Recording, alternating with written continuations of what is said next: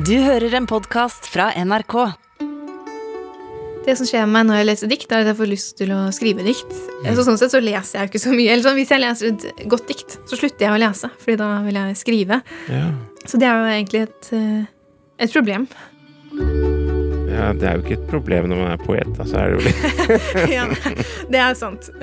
Karoline Brennjord er altså poet, den aller første fulltidspoeten som er med i Brenner deler dikt, og det ble en litterær sensasjon da hun kom med sin første diktsamling Jeg vil våkne til verden for halvannet år siden.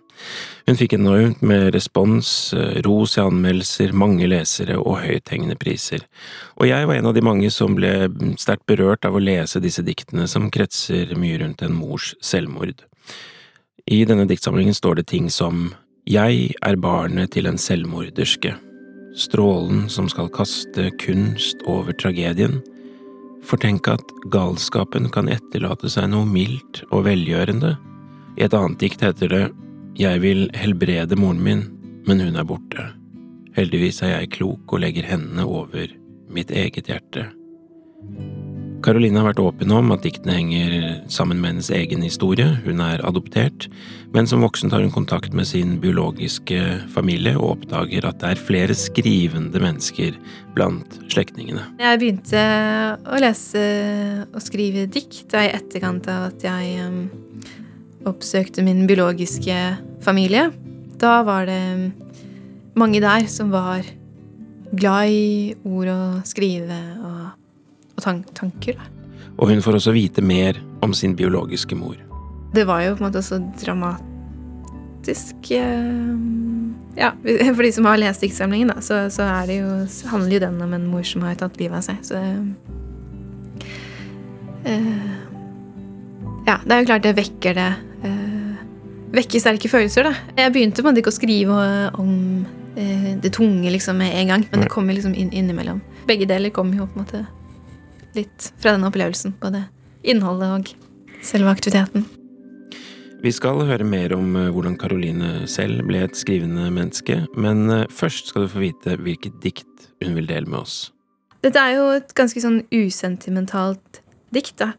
Hvilket dikt har du med? Eh, til meg, til oss? Ja, eh, jeg har med et dikt eh, Nå har jeg det både på norsk og engelsk, men på norsk så heter det 'Jordnær anekdote'. Det er skrevet av en som heter Wallace Stevens. Ja, så vidt hørt om.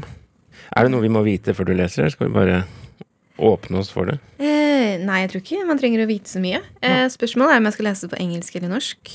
Og det er oversatt til norsk. Ja, av Jan Erik Vold. Det kan hende det er en fordel at vi rett og slett tar det på norsk. Ja. ja vi gjør det. Ja.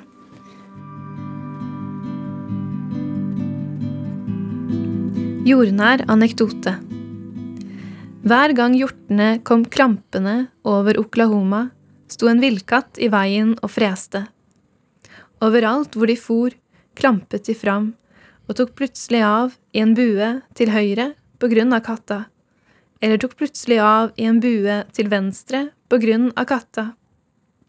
Hjortene klampet, villkatta fortsatte å bykse, til høyre, til venstre sto midt i veien og freste.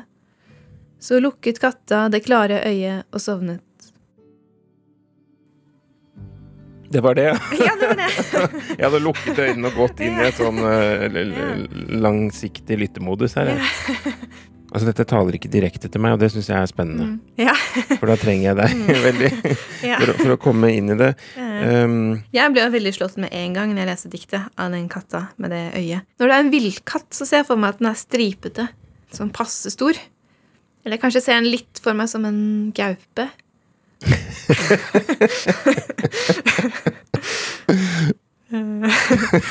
Annet passe stor, eller eventuelt en gaupe. Det må i hvert fall være mindre enn en hjort, da.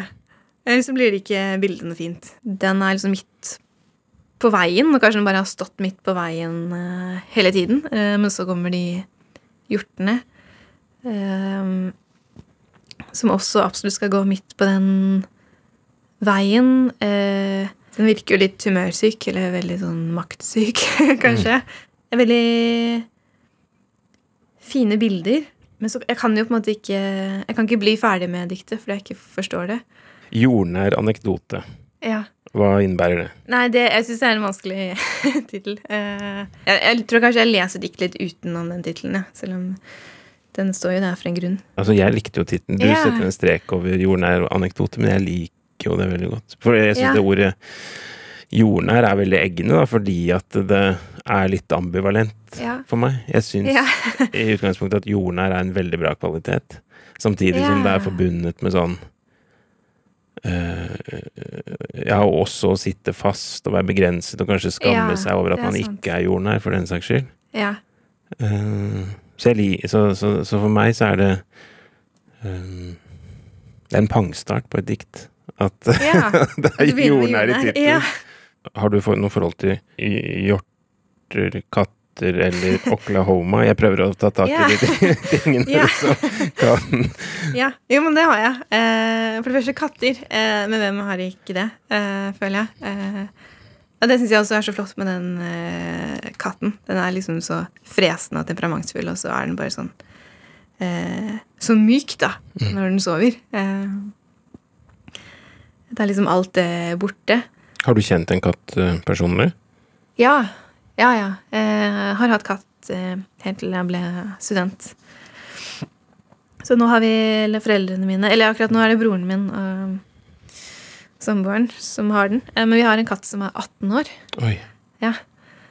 Eh, Lillepus. Hun er veldig elegant, men hun er født med sånn knekk på halen. Så liten ripe i soltheten. Det er egentlig en mer en sånn kosekatt, men når jeg var den første katten vi hadde da jeg var barn, den var eh, nesten slem.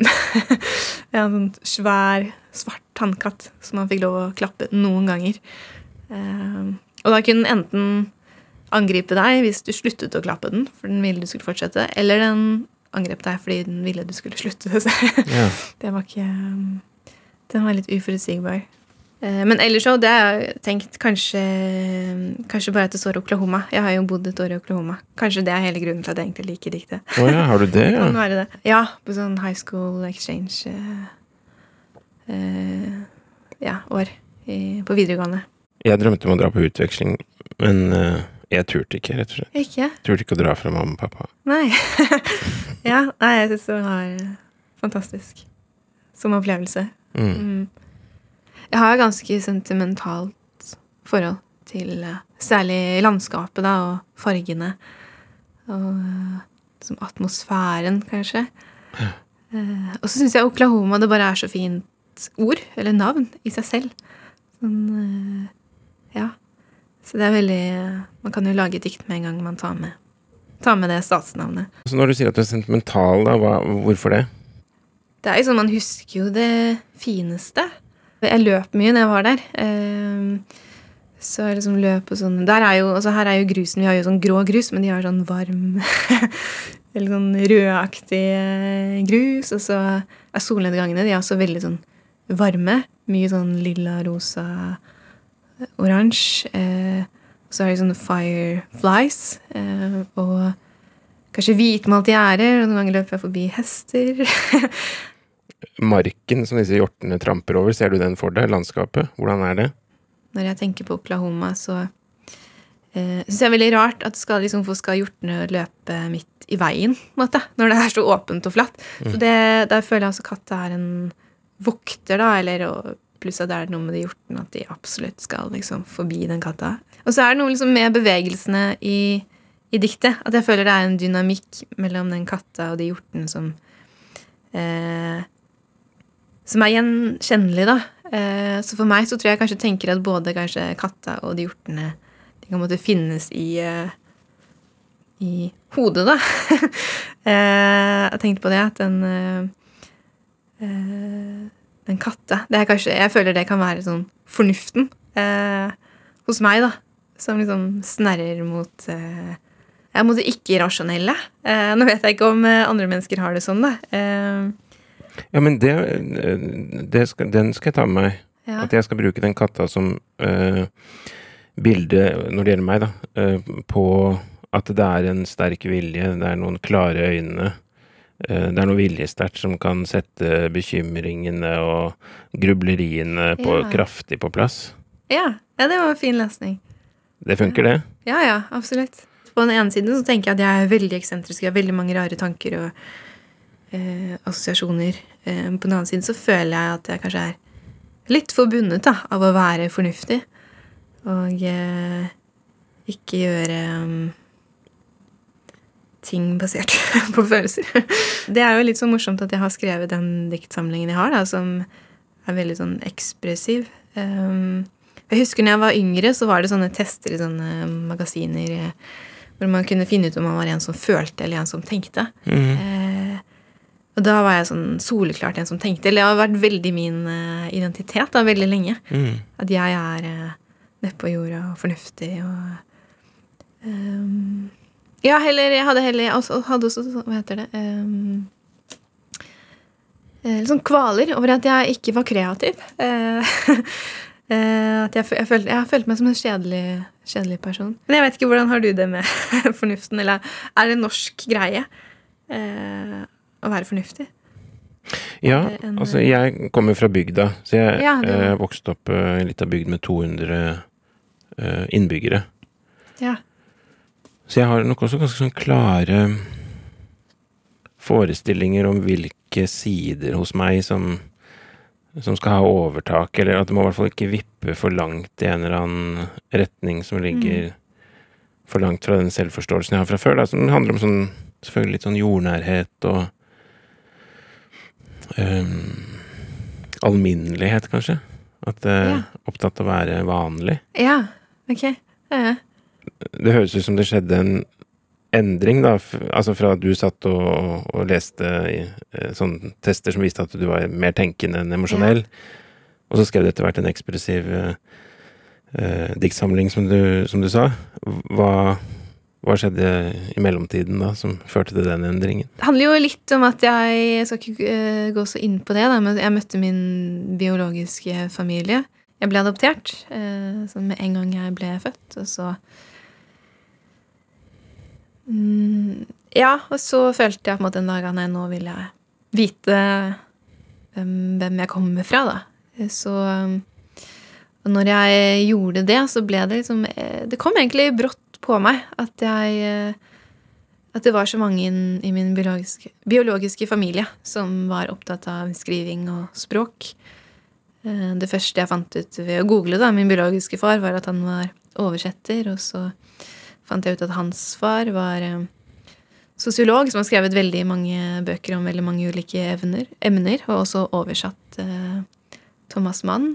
Eh, og eh, søsteren min altså hun eh, var ikke det at hun leste masse dikt, men hun hadde på en måte sine dikt som hun eh, likte, da, eh, som hun sendte til meg. Eh, og at eh, mormoren min hun hadde gått på noe sånn bibliotekar- og arkivarstudie, og hadde også prøvd å skrive dikt. Det visste jeg egentlig ikke før etter jeg selv hadde begynt å skrive det. Men hun også kan eh, Første gang jeg møtte henne, så bare brøt hun ut, eller sånn Bare bikket over i å eh, resitere, eller, eller sitere dikt fra hukommelsen. Mm. Eller, og litt sånn fremførende. Men da fikk jeg nok eh, veldig sånn impuls til å utforske det videre, da, og tenkte Det var kanskje lettere å stole på at jeg hadde talent, da. Eh, ja, og det var jo på en måte også dramatisk. Eh, ja, for de som har lest diktsamlingen, da, så, så, jo, så handler jo den om en mor som har tatt livet av seg. Så uh, Ja, det er jo klart det vekker det uh, Vekker sterke følelser, da. Jeg studerte jo sosialantropologi, og jeg tenkte når jeg begynte å skrive, at jeg kunne måte formidle noe sånn samfunnsanalyse, kanskje, gjennom diktene. Så har det jo ikke blitt det i det hele tatt. Og det handler jo litt om at jeg fikk respons på de diktene som var mer eh, emosjonelt ladet, da. Så da fortsatte jeg der.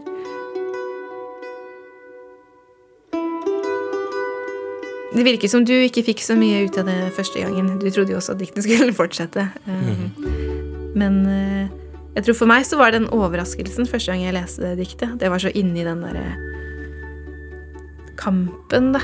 Og så, så er det bare en setning til slutt, og så sov katta, eller sånn. Så lukket den øynene. Det som egentlig er det viktigste, kanskje, i diktet. Ja, nå er jeg overbegeistret for dikt. Det er jo det som har litt lett for å skje, da. At det, det, det, i løpet av noen ganske få minutter så vokser det jo Vokser det på en, og sant, energien som du snakker om i den kampen, også katten som plutselig legger seg, eller som har lagt seg, kanskje, det var veldig var veldig fint. Ja. Mm, Vi gjør det sånn her, da, Karoline Brennjord, at eh, gjesten deler dikt, og så leser jeg det høyt etterpå. Eh, takk for at du kom, forresten. Bare hyggelig. Jordnær anekdote. Hver gang hjortene kom klampende over Oklahoma, sto en villkatt i veien og freste. Overalt hvor de for, klampet de fram, og tok plutselig av i en bue til høyre på grunn av katta. Eller tok plutselig av i en bue til venstre på grunn av katta. Hjortene klampet, villkatta fortsatte å bykse til høyre, til venstre, sto midt i veien og freste. Så lukket katta det klare øyet og sovnet.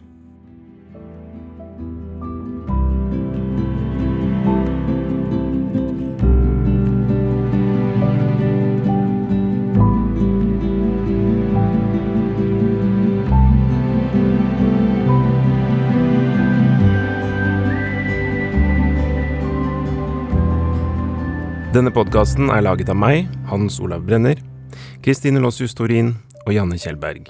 Redaksjonssjef Ingrid Nordstrand. I neste episode dukker min gamle venn Mattis Herman Nyquist opp, og han deler et dikt som eh, nesten ingen har hørt før. Jeg føler at litt av poenget med programmet er at hvordan kan en tekst virke på noen? Ehm, og da kom jeg på denne teksten som virket veldig på meg. Har du delt med meg før? Nei, dette diktet er ikke gitt ut noe sted. Nei. Så hvis du har lyst til å oppdage et eh, helt nytt dikt om kjærlighet, et skikkelig kjærlighetsdikt som kan brukes ved mange anledninger, og som har en helt forunderlig virkning på folks eh, tårekanaler, så er det lurt å trykke på stjerne i appen NRK Radio, så går du ikke glipp av et eneste dikt fremover. En podkast fra NRK. De nyeste episodene hører du først i appen NRK Radio.